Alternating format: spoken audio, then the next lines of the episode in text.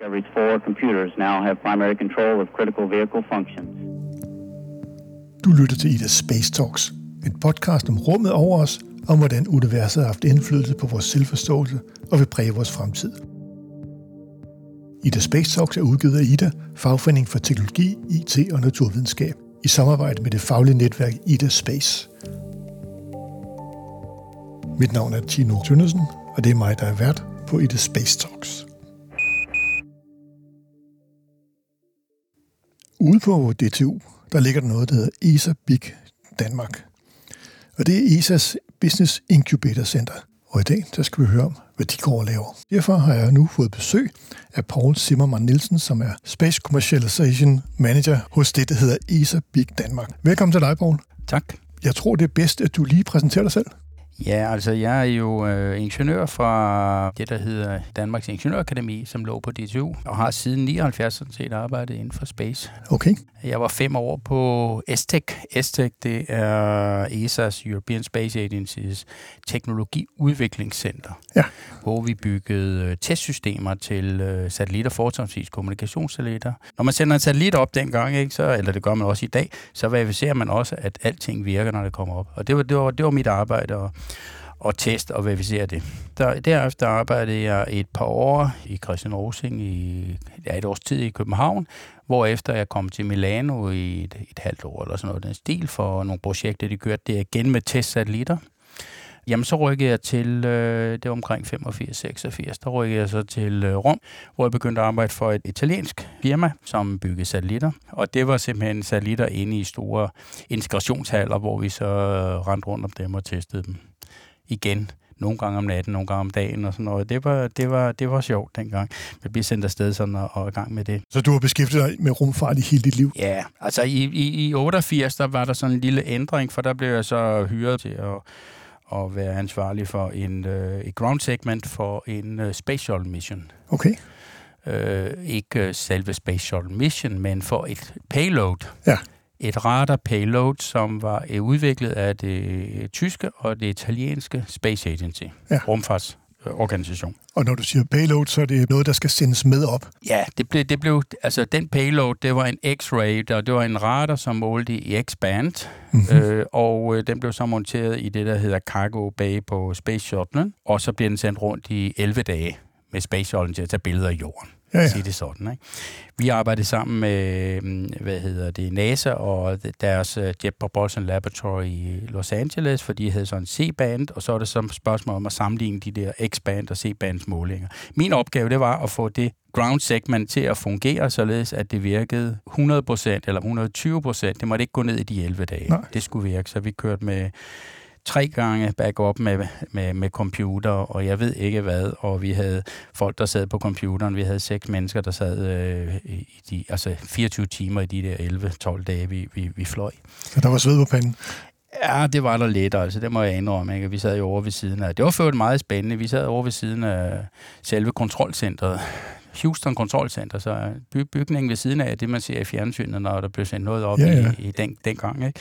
Vi sad så inde ved siden af og testede og styrede vores, øh, styrede vores øh, payloads. Der, der har vel været den samme eufori. Ja, det vil jeg, det vil jeg nok sige. Altså, vores første mission, det, det var SRL-1. Den var oppe at flyve den øh, 9. april i 94 i 11 dage. Og vores anden mission, den skulle så flyve den 18. august igen i 11 dage. Og de blev sendt op fra Cape Canaveral i Florida klokken 7 om morgenen, ikke? og så vi sad foran fjernsynsskabene i Houston klokken 5 om morgenen og ventede på, at de skulle starte. Ja. Og vi ser de der store boostermotorer, de, ser, de bliver varmet op, de tre boostermotorer, de er varmet op. Og så lukker de lige ned. Uh. Et sekund, altså et- 1,9 sekunder før den egentlige øh, launch. Det er på grund af, at der er en eller anden malfunction i systemet, og vi sad jo tilbage og tænkte, hvad sker der her? altså, Nå, men vi kom i hvert fald afsted en, en, en seks uger senere, den 30. september. Så, så det var bare et spørgsmål om, at der var et automatisk nedsluknings- eller security-system, som havde lukket ned for, for, for af, affyringen, på grund af, at der var nogle øh, temperaturer, der ikke rigtig lige passede sammen osv. Og det er jo egentlig bare sy- systemet, der fungerer. Ja, altså, når man arbejder inden for rumfart, ikke, så dobbeltsikrer man alting. Jo, jo, selvfølgelig. Ligesom når man sender satellitter op i rummet, så bygger man dem op, så hvis der noget går i stykker, så er det, det, øh, så er det man kan kalde det fail safe. Altså det falder det, det går måske, man mister måske 10%, måske 20% på en eller anden teknologi, men mister ikke det hele. Nej. Eller der er et backup-system, som træder i kraft. Og så. Selvfølgelig. Så det var, det var sådan set det, jeg foretog mig frem til omkring 94. Fra omkring 2000, der blev jeg så involveret i det, der hedder Technology Transfer. Det er spørgsmålet om, at i Europa, der havde man jo investeret utrolig mange penge i at sende øh, satellitter eller, øh, eller spacecraft op til at undersøge asteroider og planeter og så videre. Ikke? Og så var man kommet frem til øh, i 90'erne, at man også skulle se på jorden og sende øh, jordobservationssatellitter op omkring år 2000, så begyndte vi at finde ud af, med alle de investeringer, det kunne måske være en idé også at se, hvad kan vi egentlig bruge den øh, teknologi, vi havde udviklet til det, mm-hmm. på, ned på jorden. Hvad kan vi få ud af den? Øh, og det startede med, øh, i omkring år 2000, så startede man med det, der hedder teknologitransferprogram. Omkring 2004, der startede man så det, der hedder ESA Big Center konceptet, at man laver et lille center, hvor at der er nogle øh, iværksættere, der kan komme med nogle nye idéer om, hvordan man kan bruge det, der er i rummet, til at generere noget intelligent, noget smart, noget bedre, til ja. at hjælpe os til at være bedre på jorden. Det vil sige, at vi, vi, vi, vi i Europa, der putter vi en masse penge i rumfart. Hvordan kan vi få noget ud af det? Hvordan kan vi gøre vores samfund bedre? Hvordan vi kan bruge øh, rumteknologien på en anden måde, end det den lige bliver brugt til op i, i ja, rummet. Ja, ja. En ting er at sende en jordobservationssatellit op og se på det. Men bare få nogle billeder ned og vide, hvor at øh, København ligger, hvor Aarhus ligger osv. Det vil også være godt måske at have nogle målinger, og have nogle folk, der bruger de målinger til at finde ud af, når ja, der er lidt for meget forurening her, der er oversvømmelse der osv. Ikke? Jo, jo. Men det kræver nogen nede på jorden, der bruger de data og laver en udvikling, øh, som forbedrer vores samfund. Ja. Det bliver så i vores samfund sat i værk igennem firmaer, som bruger de data og udvikler et eller andet. Ikke? Er det så starten på ESA's Business Incubator Ja. Center, det her? De starter i 2004 med det første center, som de lægger på deres udviklingscenter i Holland, Estec. Ja. ESA Big, og det bliver så kaldt Nordwijk, for det ligger i byen Nordwijk. Det er så siden rykket ud og blevet selvstændigt ved siden af, men altså i første omgang, der lå det direkte som en integreret del i ESA. Ja. Øh, så kom der så derefter et center i Italien og et i Tyskland, øh, og øh, ja, og så er det så bare så er det bare løbet derud af hver andet år eller tredje år, der kommer flere centre til. Ikke? Hvor mange er der nu så? Ja, altså øh, på nuværende tidspunkt, så har vi 28 centre i Europa Hold op. i 21 lande. Ja. Og vi hjælper firmaer på over 70 lokationer i Europa til at udvikle nye idéer. Øh, når jeg siger firmaer, så er det selvfølgelig ikke, øh, det er ikke forskning, det er firmaer, som udvikler nogle forretningsmæssige løsninger til at benytte rumfart på en eller anden måde til at lave nogle løsninger på jorden. Det var sådan, det startede. Nu er det også begyndt på grund af det, der hedder New Space, de små minisatellitter. Nu er det også begyndt at, øh, der er også begyndt at komme firmaer i vores ESA Business Incubation Center, som også laver det, vi kalder upstream. Det vil sige, at vi tager noget teknologi, vores mobiltelefoner, putter dem på en satellit og ser, hvad vi kan få ud af det. Ja. Altså komme med nogle ting fra jorden for at forbedre øh, teknologien på satellitterne. Sådan var det ikke for 20 år siden. Der var Nej, det omvendt. Ikke? Så nu, nu, nu går det begge veje. Ja, nu går det begge veje. Ikke?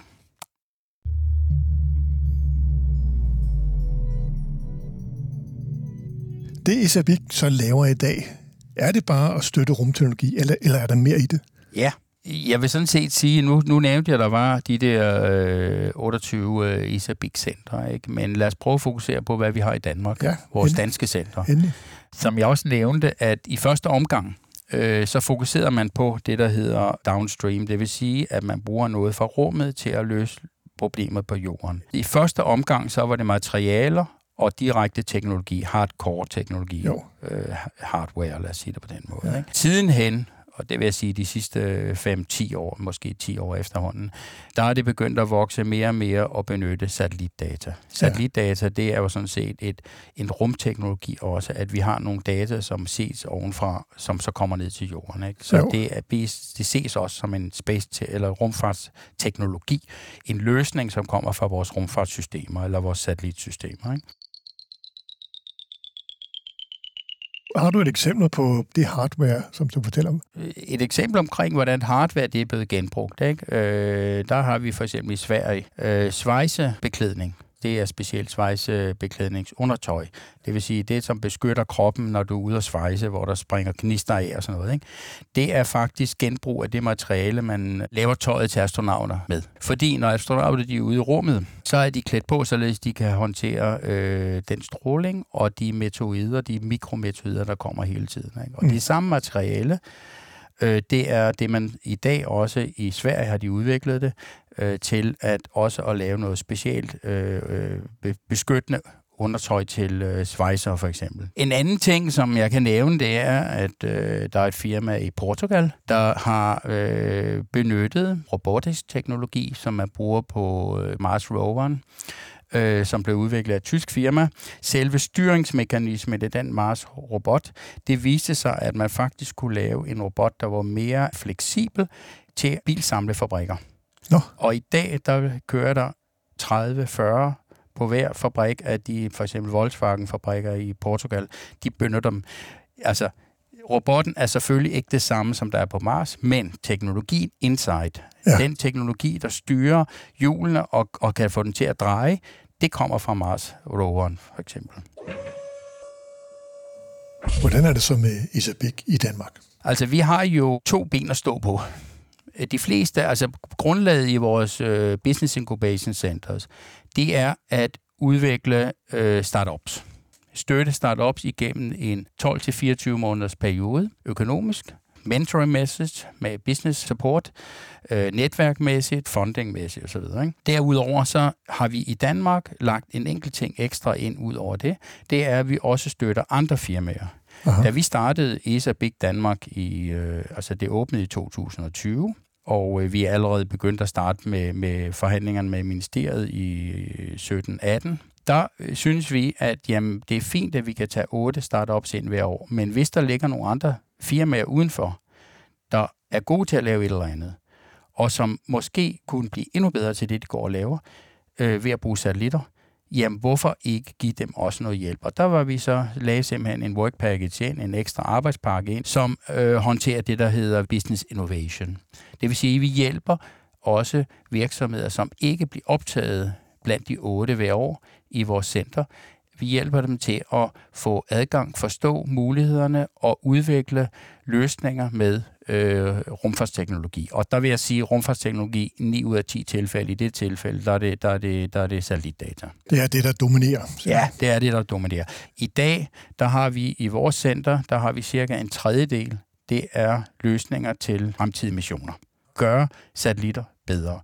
Og danskere, de har faktisk, vi har faktisk adskillige firmaer her i Danmark, som er virkelig gode til at udvikle små firmaer, som kommer med smarte løsninger, som ja. er gode til at udvikle løsninger til de der små satellitter på 10 kilo, eller 5 kilo, 100 kilo, eller hvad. De små satellitter, som, altså teknolo- teknologiske løsninger, som kan være thrusters, det kan være bare lim til at lime tingene sammen, det kan være svejsemetoder, det kan være alle mulige ting. Ikke? Jo. Vi har faktisk en masse firmaer, som godt kunne blive væsentligt større og har et potentiale på verdensmarkedet i Danmark, og det prøver vi selvfølgelig også at hjælpe med. Poul, jeg har jo øh, på forhånd bedt dig vælge nogle øh, virksomheder ud som, som gode eksempler fra Isabik Danmarks katalog. Hvad, hvad har du valgt ud? Ja, jeg har jo valgt, hvad jeg selv synes er gode eksempler på nogle små firmaer, som er i gang med at udvikle løsninger, som netop udnytter disse fantastiske nye muligheder for at skabe innovation. Ja. Gode danske virksomheder, hvor der virkelig er potentiale, scale-up potentiale, også internationalt. Ikke? Okay. Altså den første, jeg vil nævne, som der også har selvfølgelig været en del pressen også, ikke? det er Sternula. Det er jo sådan set et dansk firma, som er i gang med at sætte en satellitkonstellation op til kommunikation på skibsbranchen. Det er sådan, at Ida Space Talks har fået en podcast-assistent, Rebecca Crystal Cromwell, og hende har vi sat til at interviewe virksomhederne. Lad os høre, hvad hun har fundet ud af. Hej Lars. Tusind tak, fordi du gerne vil deltage her. Først og fremmest vil jeg gerne bede dig om at præsentere dig selv og dit firma Sternula. Ja, jeg hedder Lars Molsen. Jeg er den ene af de to stifter af Sternula. Øh, min baggrund er datalogi øh, fra Aalborg Universitet. Helt tilbage i 1996 blev jeg færdig der. Øh, startede en karriere som softwareudvikler og algoritmeudvikler hos Nokia. Øh, Sternula er min sådan øh, tredje, fjerde startup, lidt afhængig af hvordan man tæller. Og, og Sternula er jo så vores, øh, vores nye baby, som vi startede i 2019, Stefan og jeg. Øh, det er Danmarks første kommercielle satellitoperatør, øh, så vi har en flyvende satellit nu. Og vi, vi leverer en, øh, et, et slags øh, maritimt IoT, altså Internet of Things netværk, øh, et nyt, øh, type, ny, ny type netværk, øh, AES 2.0, som vi kalder det. Øh, det officielle navn er VEDES, men øh, det er lidt øh, kedeligt og ingeniøragtigt, så vi kalder det AIS 2.0. Det lyder knap så ingeniøragtigt. Fordi alle dem i, i den maritime branche kender AIS-systemet, som har været derude i de sidste 20 år. Man kan jo sige, det er en slags øh, mobilnetværk til sådan lidt øh, datatjenester øh, til den maritime verden, øh, sådan lidt øh, lav datarate, så sådan lidt øh, ja, IoT-netværk øh, til den maritime industri. Og vi har så ikke vores øh, mobilmaster stående rundt omkring i landskabet. Vi har dem hængende op i 500 km højde over vores hoveder på nogle små satellitter, der, der fiser rundt og kommer en tur rundt om jorden på halvanden times tid. Så de flyver med sådan i nærheden af øh, 27.000 km i timen eller 7 km i sekundet. Så det går, det går rigtig stærkt. Og det betyder også, at vi kan sådan øh, ret hurtigt øh, dække hele verden med bare en enkelt satellit. Men vi skal helst have nogle flere.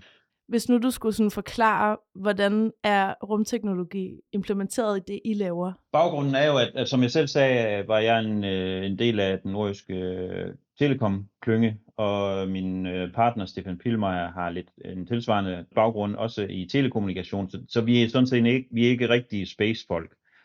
Så, så space-teknologi, den køber vi os til. Vi går ned og køber en satellit, øh, og der er vi så heldige, og, og som også var en del af årsagen til, at vi kunne starte op, at vi har en ret stærk såkaldt New Space-klynge i Aalborg.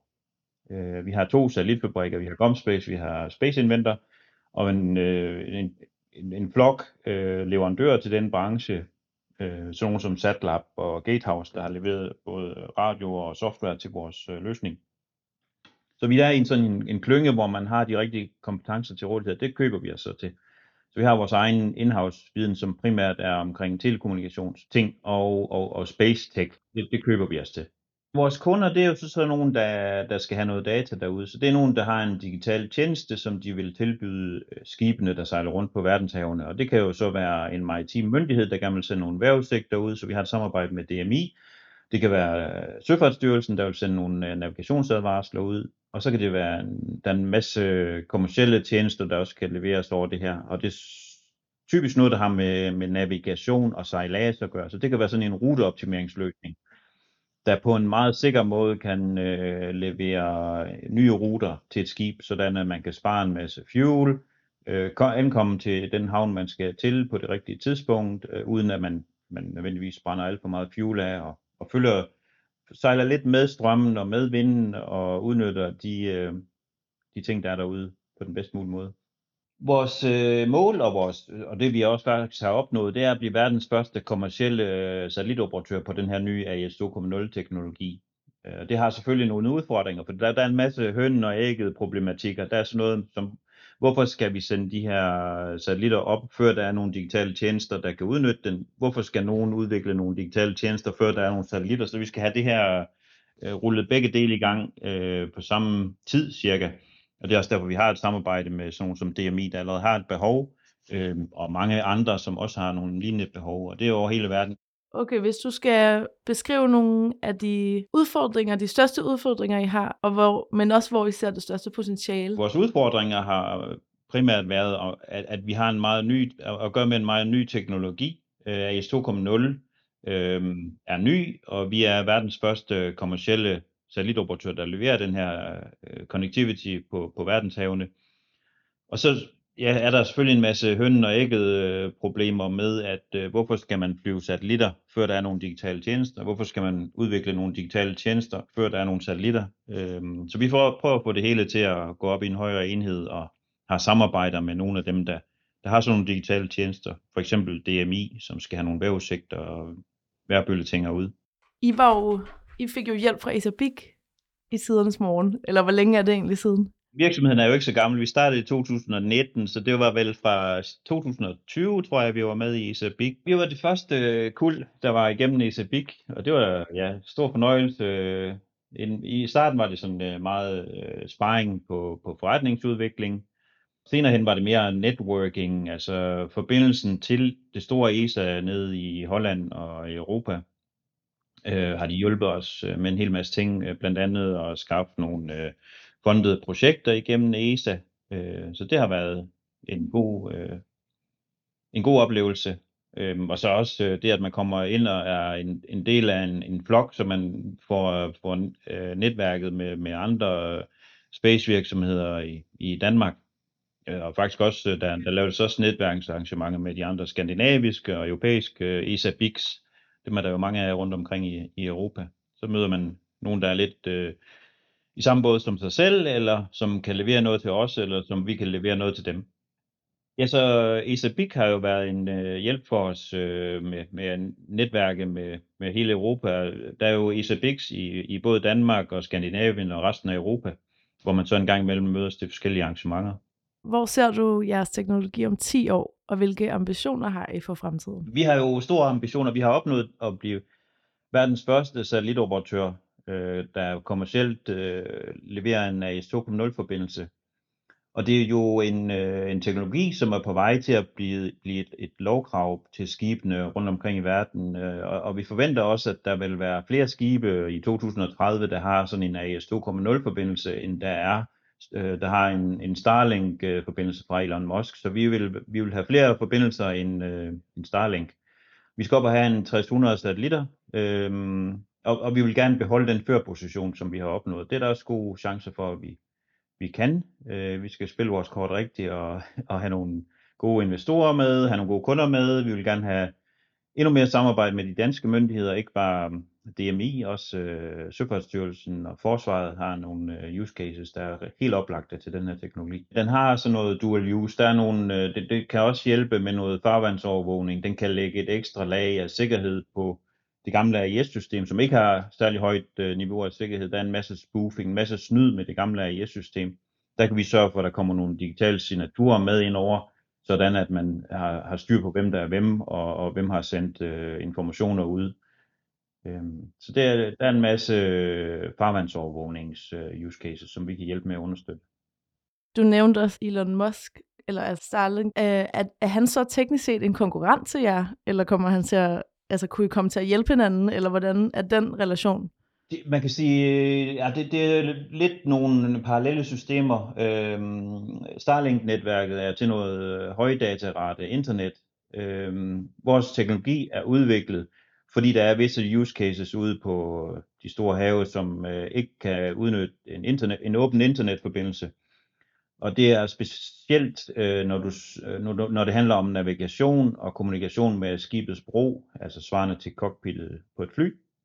Øh, der er nogle meget høje sikkerhedskrav, som gør, at man ikke bare kan have åbent internet.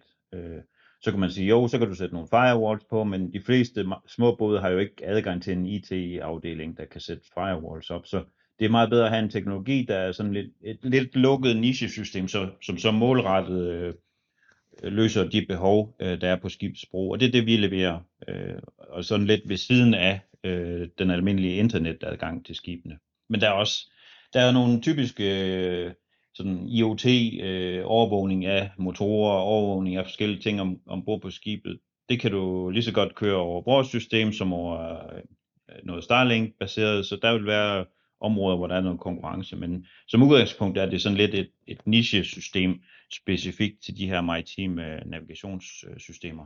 Jamen, uh, tusind tak. Nu ved du alt om Sternula. Poul, det var en ret interessant virksomhed. Hvad, hvad er den næste virksomhed, du har valgt ud? Ja, det er et lille firma i Svendborg. De er i gang med at lave en, øh, en sikkerhedsløsning, hvor du simpelthen har en overflade robotbåd og en undervandsrobotbåd, som så sejler over hinanden for at overvåge kritisk infrastruktur på havbundene. Lad os høre, hvad Rebecca har, har talt med dem om. Hej Martin, tusind tak, fordi du gerne vil deltage. Først og fremmest vil jeg gerne høre kort, hvem du er og hvad I laver i Dana Dynamics. Øh, jeg hedder Martin Stockholm, og jeg er co-founder og partner i Dana Dynamics. Øh, og Dana Dynamics, vi er, vi er sådan en maritim tech-virksomhed, startet i 2018 omkring udvikling af en maritim sejlende drone til øh, søopmåling. Vi har selv udviklet et autonome navigationssystem, som, øh, som vi bruger i dronen, øh, og, øh, og det har vi så siden hen øh, videreudviklet, sådan at vi kan bruge det på forskellige typer af fartøjer som sådan en slags add-on system. Når vi bruger det i dronerne, så er det med øh, fuld autonomi, altså så, så systemet er fuld øh, autonomt, og hvis vi bruger det i øh, arbejdsbåde eller i en, en mindre færge, så bruger vi det som sådan et assisteret system. Så det øh, afhænger meget af, hvordan øh, øh, fartøjstypen er. Hvis der er mennesker ombord, så er det sådan et assisterende system, og så er der stadigvæk en kaptajn ombord på, øh, på fartøjet. Men kernen i, øh, i vores virksomhed, det er, det er det her autonomisystem. Nu vil jeg gerne bede dig om at uddybe lidt om, hvordan det, I laver, relaterer sig til rumteknologi. Vores øh, autonomisystem relaterer sig jo til, øh, til rumteknologi på den måde, at vi, øh, vi bruger øh, satellitter til at finde vores position med. Det er jo vigtigt, når vi, øh, når vi skal navigere til søs. Øh, så bruger vi AIS, øh, udsender jo selv AIS-signal øh, også. Og så er vi øh, lige begyndt at bruge AIS-båndet til at sende øh, data på os, altså gennem det her øh, VEDES. Kommunikation med vores autonome system, det sker ved hjælp af 4G eller 5G øh, og SATCOM, så det er jo også øh, satellitløsninger.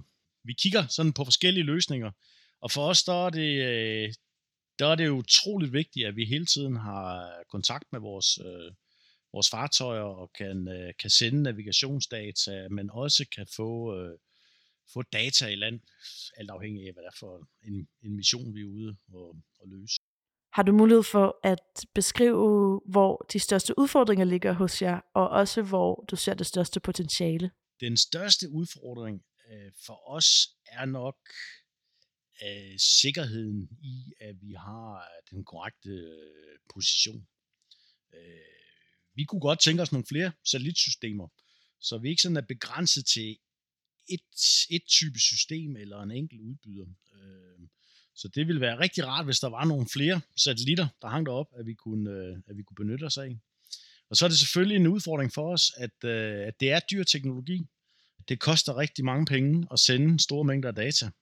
Og det er jo det, vi gør. Altså når vi, øh, når vi sender navigationsdata, eller hvis vi har en drone ude på en overvågningsopgave, eller den indsamler nogle opmålingsdata, som skal i land, og ikke kun kan øh, læres ombord på fartøjet. Det er jo super spændende at arbejde med autonomi og med, og med den her autonome navigation. Ikke? Og det, den største, altså det største potentiale, det ligger nok i de her assisterende systemer til, øh, til skibe, sådan at vi kan, at vi kan, kan bruge dem som sådan nogle, øh, nogle hjælpe, hjælpeværktøjer ombord. Og dernæst så er, det, så er det nok inden for det sømilitære, hvor vores autonomisystem kan bruges til at bestykke øh, nogle af standardfartøjer, som eksempelvis de her hurtiggående ribbåde, som man ikke skal øh, medbringe øh, specialfartøjer på, øh, på eksempelvis fregatter. Man kan gøre brug af de fartøjer, man allerede har med. Og så øh, et andet et andet område, hvor der også er potentiale, det er inden for energisektoren. Øh, der er rigtig meget kritisk infrastruktur, som, øh, som ligger under, under havet, og øh, det skal vi overvåge. Øh, og der, der spiller satellitterne en, øh, en stor rolle, fordi øh, det er med de her autonome systemer, at vi kan, at vi kan gøre det. Dana Dynamics øh, blev jo en del af ISABIC sidste år, og det er vi rigtig glade for, fordi igennem det her øh, ISABIC, der kommer vi til at arbejde med, med de her satellitteknologier, og det, at vi gerne vil, det er, at vi vil gerne kunne switche mellem de her forskellige teknologier, sådan at vi øh, kan kostoptimere på vores produkt, men også kan sikre, at vi kan, kan få de her datapakker øh, frem og tilbage.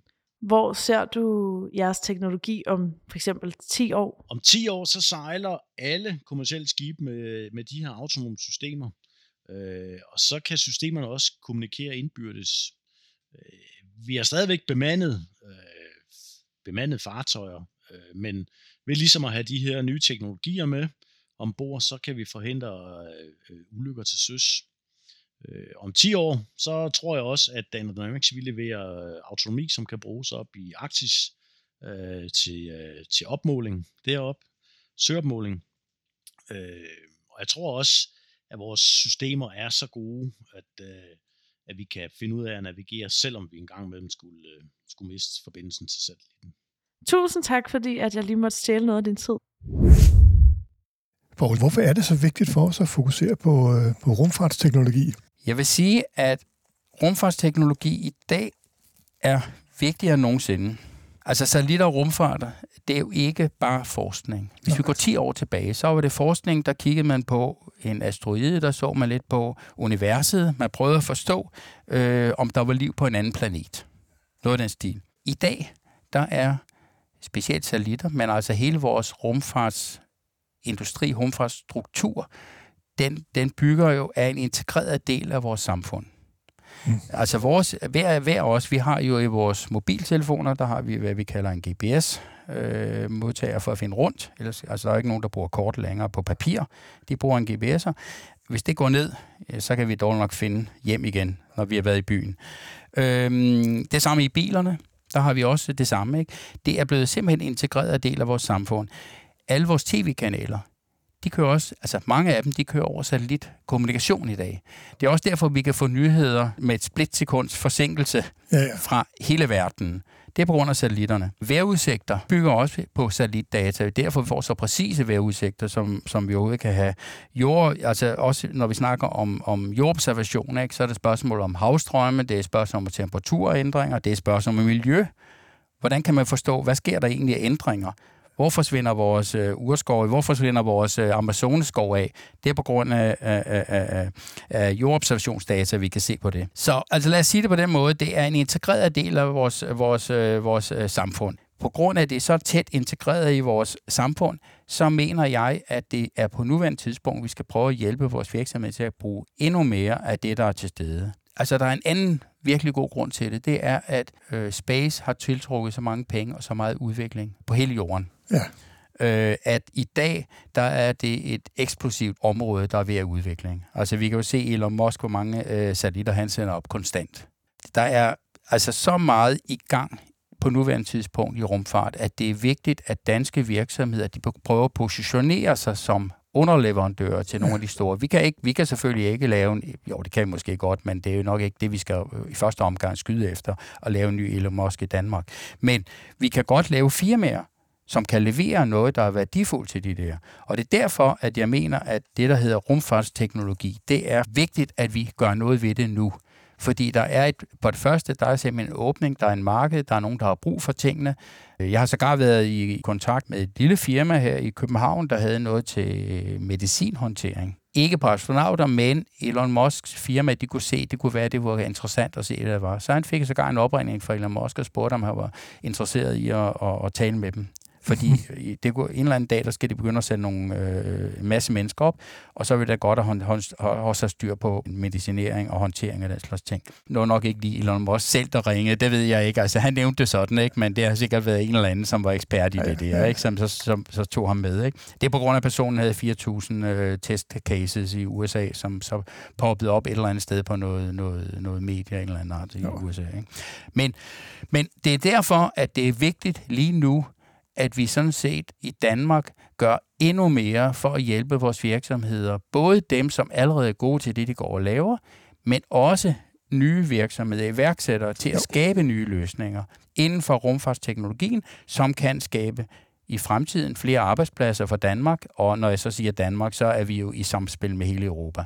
Altså, ja. vi skal jo arbejde sammen med resten af Europa. Det er, jo, det, er jo, det er jo en joint venture med Europa, vi laver her. Altså Danmark, okay, vi fokuserer i Isabik Danmark, vi fokuserer på Danmark, men i sidste ende, så er det vigtigt, at, at de også vokser igennem samarbejde med andre europæiske firmaer, således at vi i Europa på en eller anden måde kan støtte hinanden til at blive endnu bedre i fremtiden også rent samfundsmæssigt, mere flere arbejdspladser osv. osv. Ikke? Ja, så erhvervspotentialet i rumfartsteknologi er kæmpestort. Nu arbejder jeg specielt med øh, firmaer, som ikke øh, er inde i vores inkubator.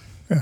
Dem, der søger ind på vores inkubator, de ved jo godt lidt om, hvad space er, og så skriver de en ansøgning. Jeg arbejder typisk med firmaer, som er gode til at lave et eller andet. Det kan være et radiofirma i Jylland, som snakker med skibe for eksempel, ikke? og laver sådan noget radio RF-kommunikation, og siger, Nå, jamen, hvad, skal I have noget satellitkommunikation ind i jeres systemer og sådan noget. Så snakker vi lidt sammen om det og sådan noget. Ikke? Og så finder vi ud af, hvordan kunne det, hvordan kunne det skrues sammen, således det er fornuftigt. Ikke?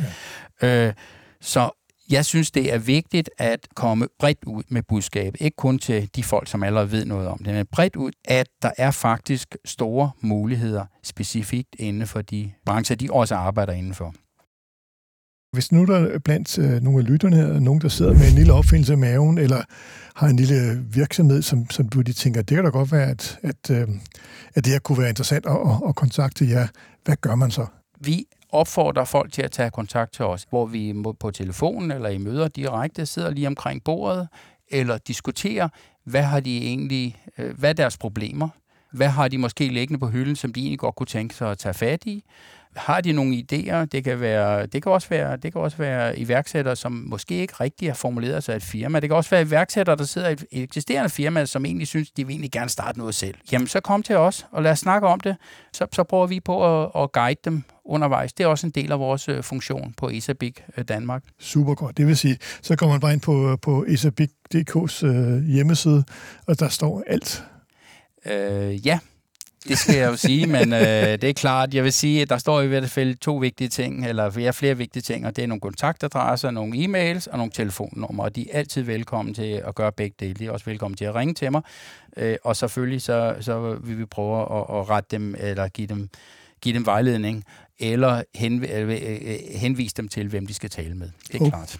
Hermed er opfordringen givet videre. Poul, øh, det var godt at have dig med som, som gæst her i episoden. Jeg synes, det er rigtig interessant og givende arbejde, hvad Isabik Danmark egentlig laver jo. Så jeg håber, at øh, alt går godt i fremtiden med det også. Jamen, jeg siger tusind tak. Selv tak.